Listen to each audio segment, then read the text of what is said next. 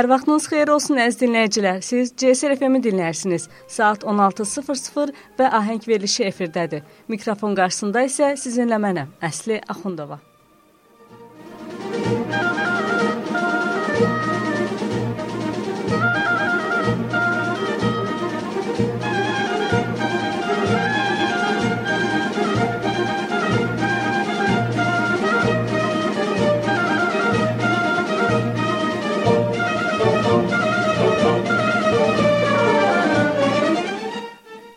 Həyat ona hər iki üzünü göstərib. Ömrünün bütün anlarında sevinclə bərabər kədər də onu müşayiət edib. Onu həm də bədbəxt xoşbəxtlərdən saymaq olar.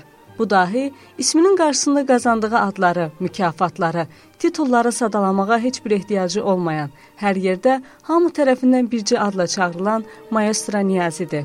Bugünkü evimizin buraxılışı da Maestro Niyazinin həyat və yaradıcılığına həsr olunur.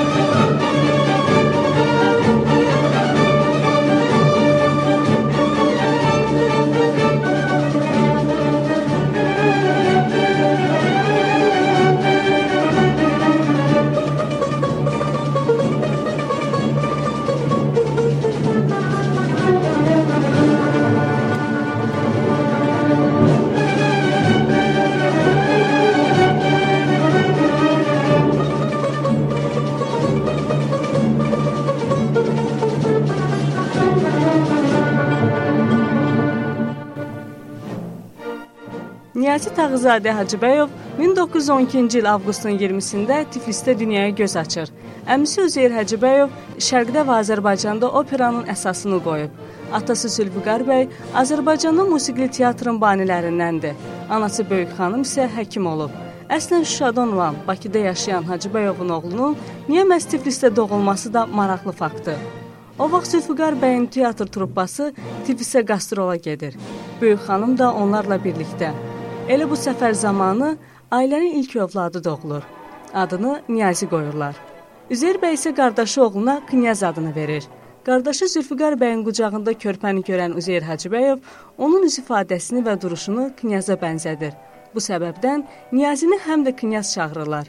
Tağızadə isə anası Böyük xanımın soyadıdır. Anasının qardaşı, yeganə dayısı Heydər Əli Tağızadə inqilabçı olduğundan faciəli şəkildə qətlə yetirilib. Bundan sonra Niyazi bu soyadı daşı yaşatmağı özünə borc bilir.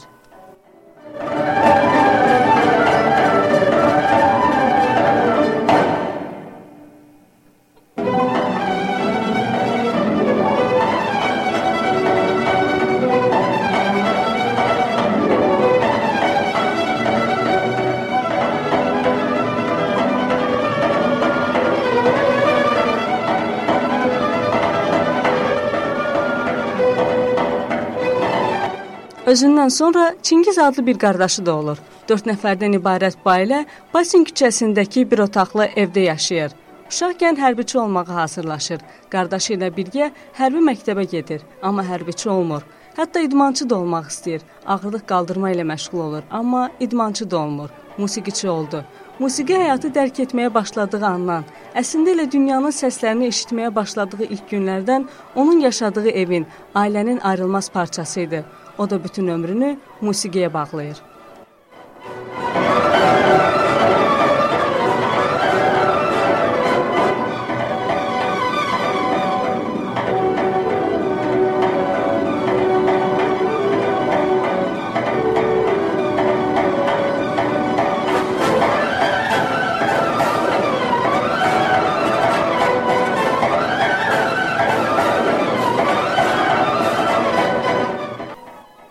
Musiqi təhsilini 1921-ci ildə Şeferlingin bədii rəhbəri olduğu musiqi məktəbində skripka sinifində oxumaqla alır. 1926-cı ildə Üzeyir bəyin məsləhəti ilə Rusiyada Qnesinin bəstəkarlıq sinifində təhsilini davam etdirir. 1929-30-cu illərdə Leninqrad Mərkəzi Musiqi Texnikumunda Riyazanovun sinifində bəstəkarlığın sirlərini öyrənir. Müəyyən səbəblərdən təhsilini yarımçıq saxlayaraq Bakıya qayıdır.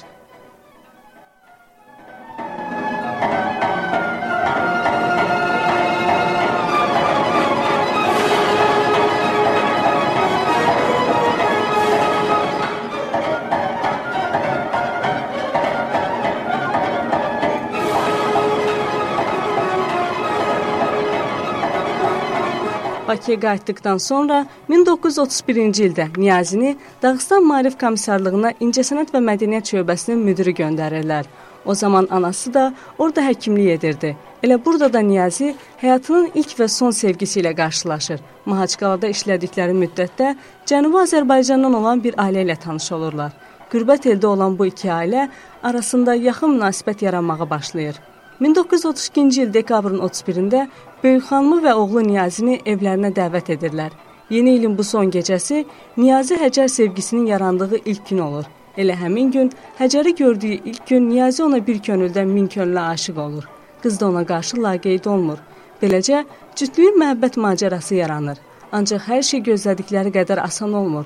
Həcər xanımın qardaşı Mahaçqaladakı İran konsulluğunda işləyirdi. Onlar İrana geri dönmək istədiklərindən Həcərin Niyazi ilə yaxınlaşmasını əngəlləməyə çalışırdılar. Bacılarının gözlərindən uzaq yerdə, qürbət ölkədə yaşamasını istəmirdilər.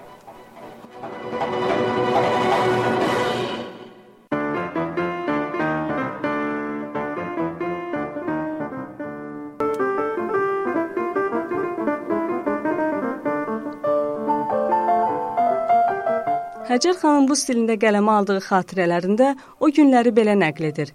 1932-ci ilin sonlarında ailəmizi İrana qayıtmaq haqqında danışmağa başladılar. Niyazi ilə qaçıb gizlicə evlənmək qərarına o vaxt gəldi. Ancaq bu planı gerçəkləşdirmək çətin məsələ idi. Qardaşlarım hər hərəkətimə göz qoyurdular. Üstəlik hara qaçacağımızı da bilmirdik. O dövrlərdə Üzeyir və Zülfüqar Hacıbəyovlar çox sadə dolanır, zaman-zaman ehtiyac içində yaşayırdılar. Zülfüqar bəyin mənzili tək, həm də balaca bir otaqdan ibarət idi. Amma Niyazi ilə qəti qərara gəlmişdik. Tələbə şəhərciyindəki qısa görüşlərdən yararlanıb qaçış planı hazırladıq.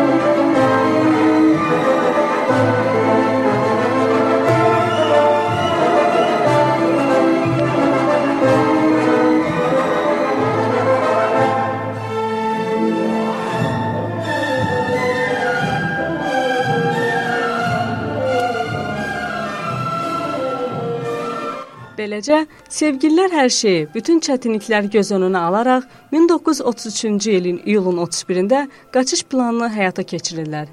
Əvvəlcə Ağdaşa Zülfüqar bəyin qohumlarının yanına gəlirlər. Orda molla kəbini kəstirirlər. Bir müddət sonra Bakıya gəlir və Zülfüqar bəyin bir otaqlı evində yaşamağa başlayırlar. Təxminən bir il burada qalandan sonra kirayə mənzil tapıb orada ora köçürlər. Ailə qurduqları ilk vaxtlar çox çətin vəziyyətdə olurlar, maddi sıxıntı çəkirlər. Həcər xanım yazır ki, maddi durumumuz da ağır idi. Niyazi konservatoriyadan 70 manat təqaüd alırdı. Bunun 15 manatı ev kirayəsinə gedirdi. Rəfiqələrimin, qardaşlarımın gözündən yayındırıb gətirdikləri paltarlar məni yola verirdi. Amma Niyaziyə geyim almağa pulumuz təbii ki, yox idi. Onun olası qalası bircə kostyumunu hər mövsümə uyğun boyayırdıq. Kostyumun astarı elə gündə idi ki, hər gün yamamaq lazım gəlirdi. Suyu az buraxsın deyə Niyazinin ayaqqabılarına qat-qat qəzet qoyardıq. Bununla belə onunla xoşbəxt idik. Gənc idik axı. Hər necə olsa da sığındığımız bir otaq və gələcəyimiz vardı.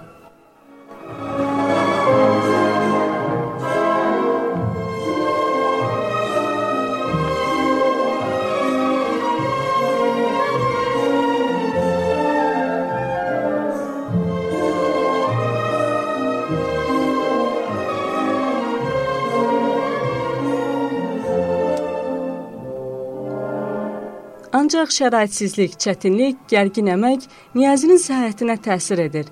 Evliliyinin ilk illərində onda vərəm xəstəliyi aşkarlanır. Bəstəkarlar İttifaqının köməyi və atasının qanararı ilə onu Ukraynaya müalicəyə göndərirlər. Niyazi təbii ki, Həcər xanımla birgə Ukraynaya gedir və yaxşı müalicə olunub qayıdır. Həcər xanım bir xatirəsində yazır ki, Niyazi xəstələnərkən lap əsəbləşər, sevdiyi bu sözləri dilə gətirərdi. Həcər, düşünəndə ki, ölərəm, sən başqasına ərə gedərsən, cin başıma vurur. Əsəbləşəndə uşaqdan da pis olurdu. Yadımdadır. Vərəmə, özü də ağır formasına tutulanda şıltaqlıqla başlar, hətta mənim ondan iyrənib iyrənmədiyimi də yoxlardı. Qəfildən hər hansı xörəkdən dadmağımı xahiş edər və öz qaşığını mənə uzadardı. Mən də boyun qaçırmazdım. Bax onda Niyazinin gözlərindən həm xoşbəxtlik, həm də minnətdarlıq yağardı.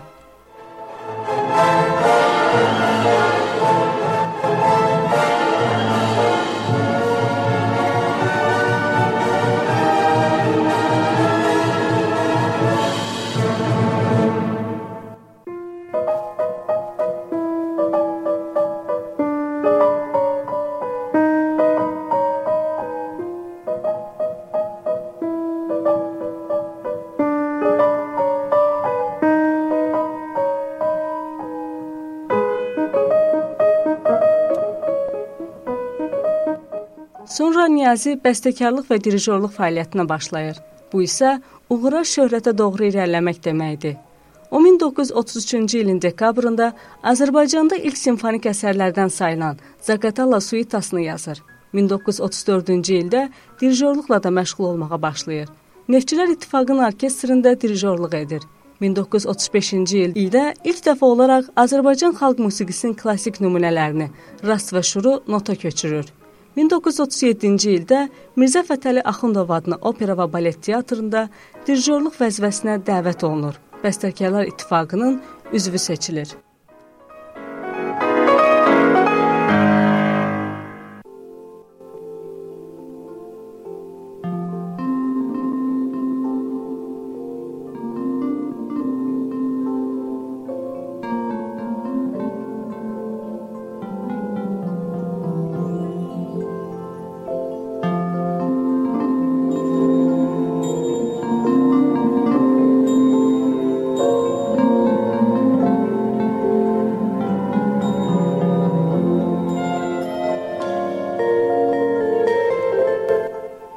1938-ci ildə Moskvada keçirilən Azərbaycan mədəniyyəti 10 günlüyündə Niyazi ilk dəfə olaraq musiqi auditoriyası qarşısına çıxır.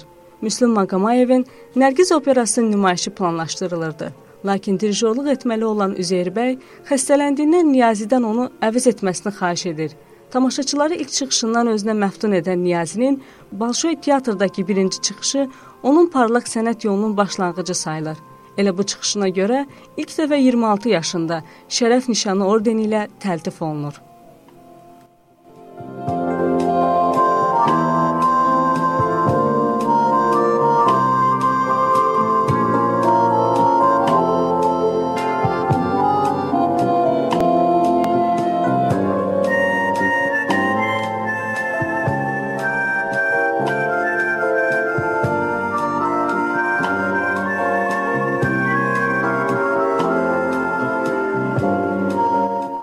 Bakıya qayıtdıqdan sonra simfonik orkestra başçılıq edir. Ümumiyyətlə, Azərbaycanlı dirijorluq məktəbinin formalaşması və inkişafı məhz Niyazinin adı ilə bağlıdır.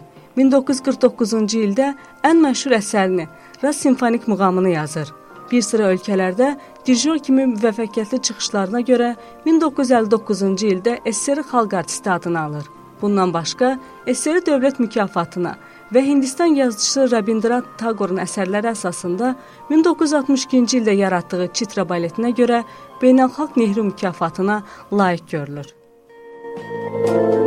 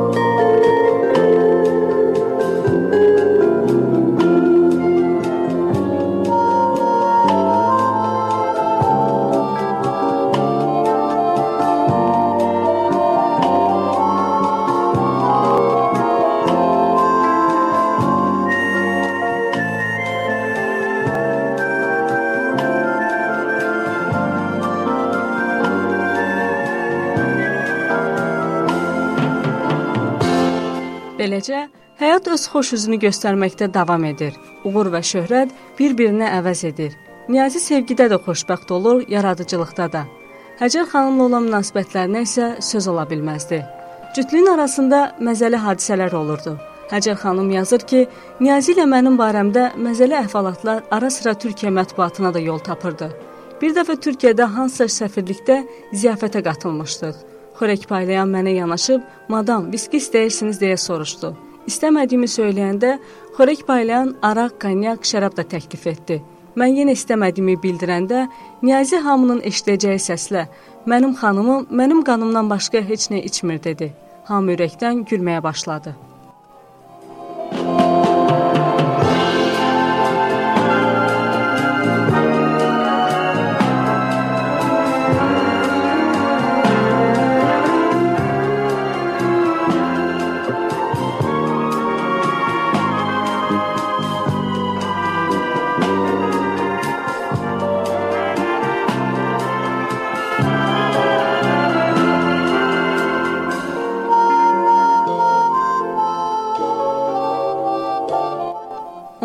51 il 2 gün bir ömür sürürlər.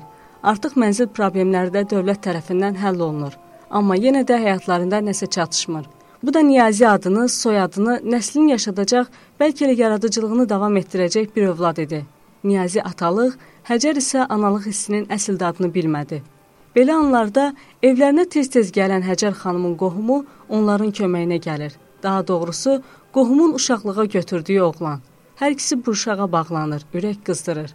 Nəhayət azyaşlı Ceyhunu özləri saxlamaq qərarına gəlirlər. Onun hər əziyyətini çəkib, böyüdüb boya başa çatdırırlar. Amma rəsmi surətdə oğulluğa götürmədilər.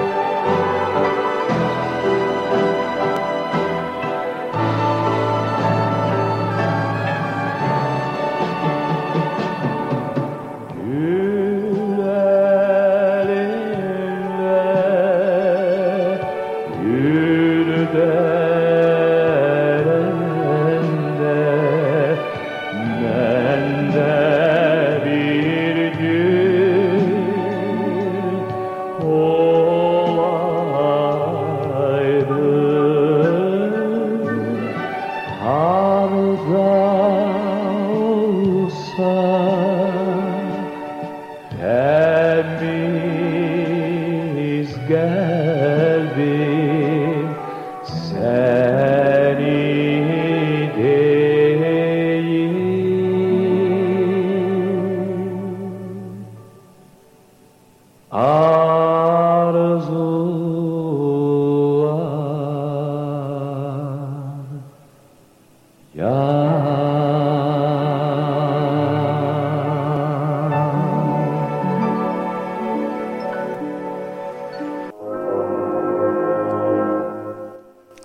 Uşaq yeniyetmə yaşlarında valideynlərinə qarşı necə olduğu bilinməsə də, məlum olan bircə fakt var. Böyük sevgi ilə qəbul olunan bu oğlan böyüdükcə onların bu hissini peşmançılıqla əvəzlədi. Ceyhun narkotik halidəsinə çevrildi. Evdəki qiymətli əşyaları oğurlayaraq satdı. 1990-cı ildə isə ən dəhşətli hadisə baş verir. Narkotik almaq üçün pul dalınca evə gələn Ceyhun istədiyini əldə edə bilməyəndə Həcər xanımı öldürmək qərarına gəlir. Əvvəl analığın başından vurur, sonra isə onu boğur və evi qarət edərək qaçır. Bəlkə də maestro o zaman sağ olsaydı, belə bir hadisə baş verməzdi. Ancaq onda Niyazi artıq 6 ildir ki, vəfat etmişdi. Özü də illər öncə yoluxduğu vərəmdən yox, ölüm kağızında da qeyd olunan ürək çatışmazlığından.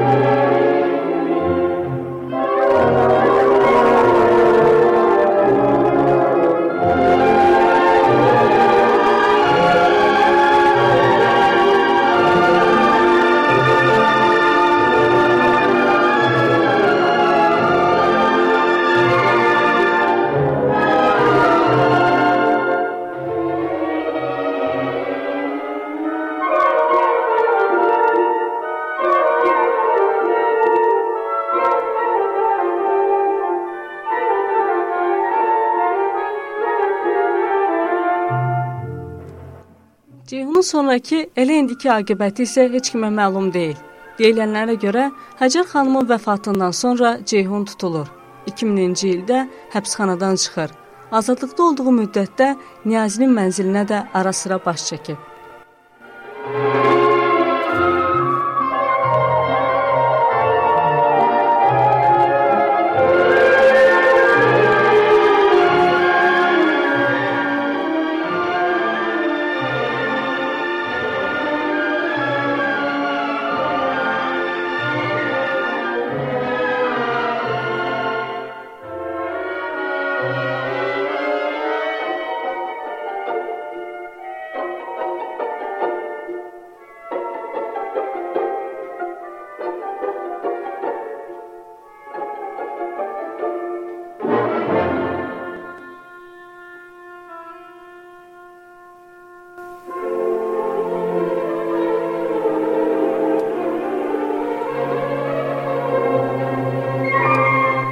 Həyat ona avqust ayının da 200-ünü göstərdi.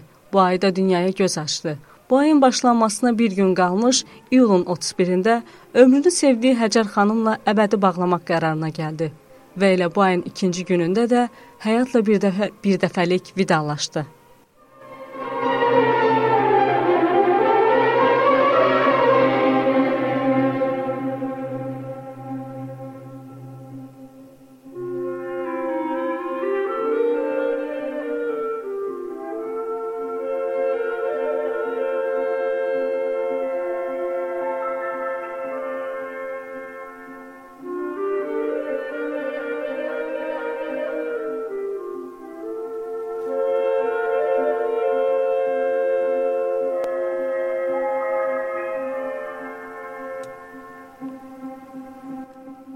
Belə əziz dinləyicilər, bugünkü efirimizin buraxılışı Maestro Niyaziyə həsr olundu və bizə ayrılan efir vaxtının sonuna gəldik.